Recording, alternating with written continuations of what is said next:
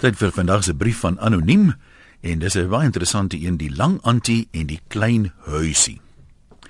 Ek wonder baie keer hoekom ons dit doen. Kamp. Nie dat ek nie weet van kamp nie. Jare in die wildtuin het my lief gemaak vir kamp. Ongelukkig het onvoorsiene gesondheidsprobleme gemaak dat ons die ou skilpaadjie moes verkoop en sê dit dien het ons maar gelodge in gegastehuis. Maar toe sê die kinders ons moet saam kom Botswana toe. Met verloop van tyd het al die goed wat moes saamgaan my laat wonder of ek regtig wil gaan.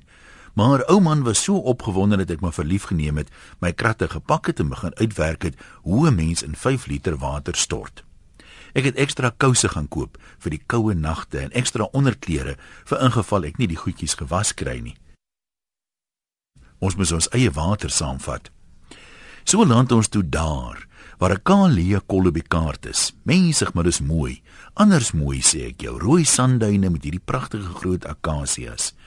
Pragtig, maar na baie ure op pad, waar is die toilet, vra ek jou.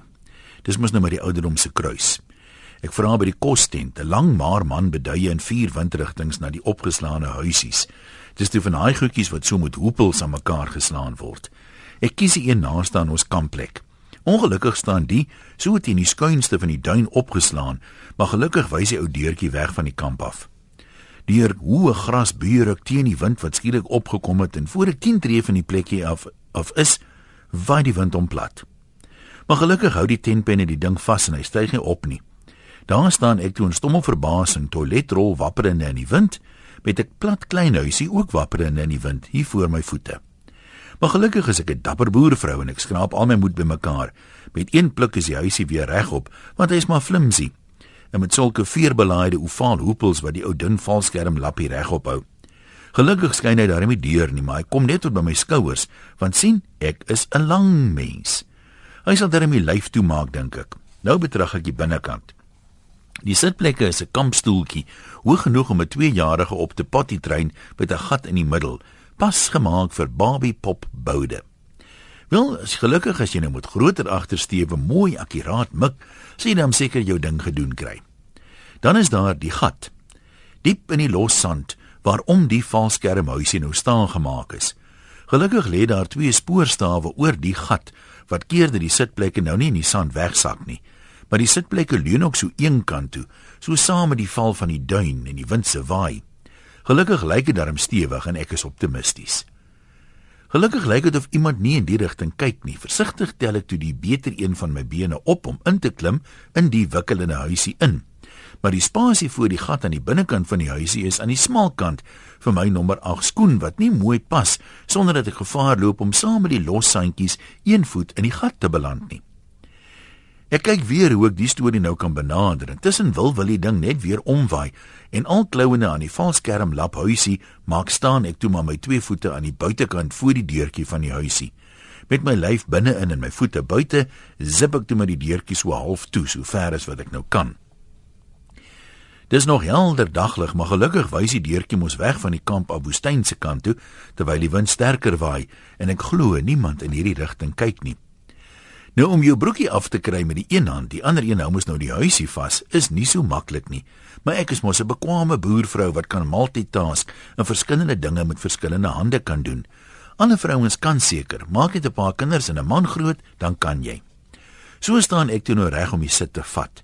Voete in posisie aan die buitekant van die huisie, lyf so half toegezip in die binnekant van die huisie, broekie buite gevaar, houding reg, maar toe oorval die draai duiseligheid my vertigo.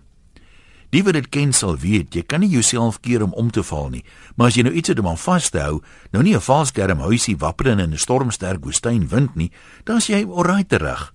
Wel daar waai ek toe. Daar waar ek toe land, is 'n seën en 'n genade, want ek val so reg op die stoeltjie se gat, reg oor die ander dieper gat met die sand kruisende tussen die gewig van die ou lyf en die pote van die ou stoeltjie op die spoorstawe. Man, maar dis vir jou salig, sê ek jou. So het ek nou gesit. Tot ek nou suksesvol gedoen het wat ek gekom het om te doen. Om die huisie regop te hou en die broekdin gedoen te kry, het ek nou die toiletrol voor die deurtjie neergesit.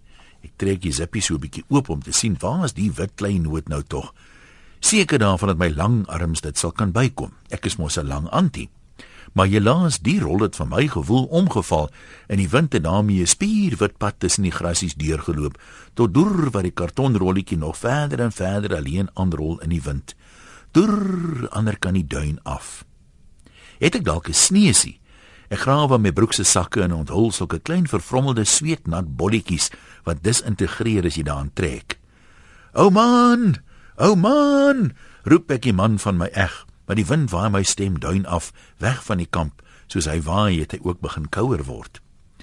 Toe ek nou met 'n koue sitvlak na wat soos ure se ontbering en see siek van die skommelende huisie gevoel het in die kamp vermis word kom die ou man roepende nader. Vroutjie is jy nog nie klaar nie? Ons almal staan onder die boom en wag want ons wil ook die plekkie gebruik. Maar al wat ons waarneem is die skuttende en skommelende ou huisie. So kom sy stem nader. En toe en nou hoekom is jou voete hier buite praat hy hier neffens my. Moenie vra en vra aan die Piet, 'n naam wat ek hom net in die uiterste gevalle noem. Bring net vir my toiletpapier asseblief en bly verder stil. Ek wag en ek wag. Nou waar sal dit gaan haal dit by Sappie se papierfabriek? Na nog 'n ewigheid koud in die bout klof klof hy so aan die bibberende huisie se kant. Hierso, jy moet maar die sand so bietjie uitskud. Ek sal nou nou die ander stuk wat daar ver lê gaan haal. So stop hy die losbondel toiletpapier in my hand. Nou wonder ek net, hoekom doen ons dit? Kamp in die woestyn. Groete van tentjie tot tentjie. Anoniem.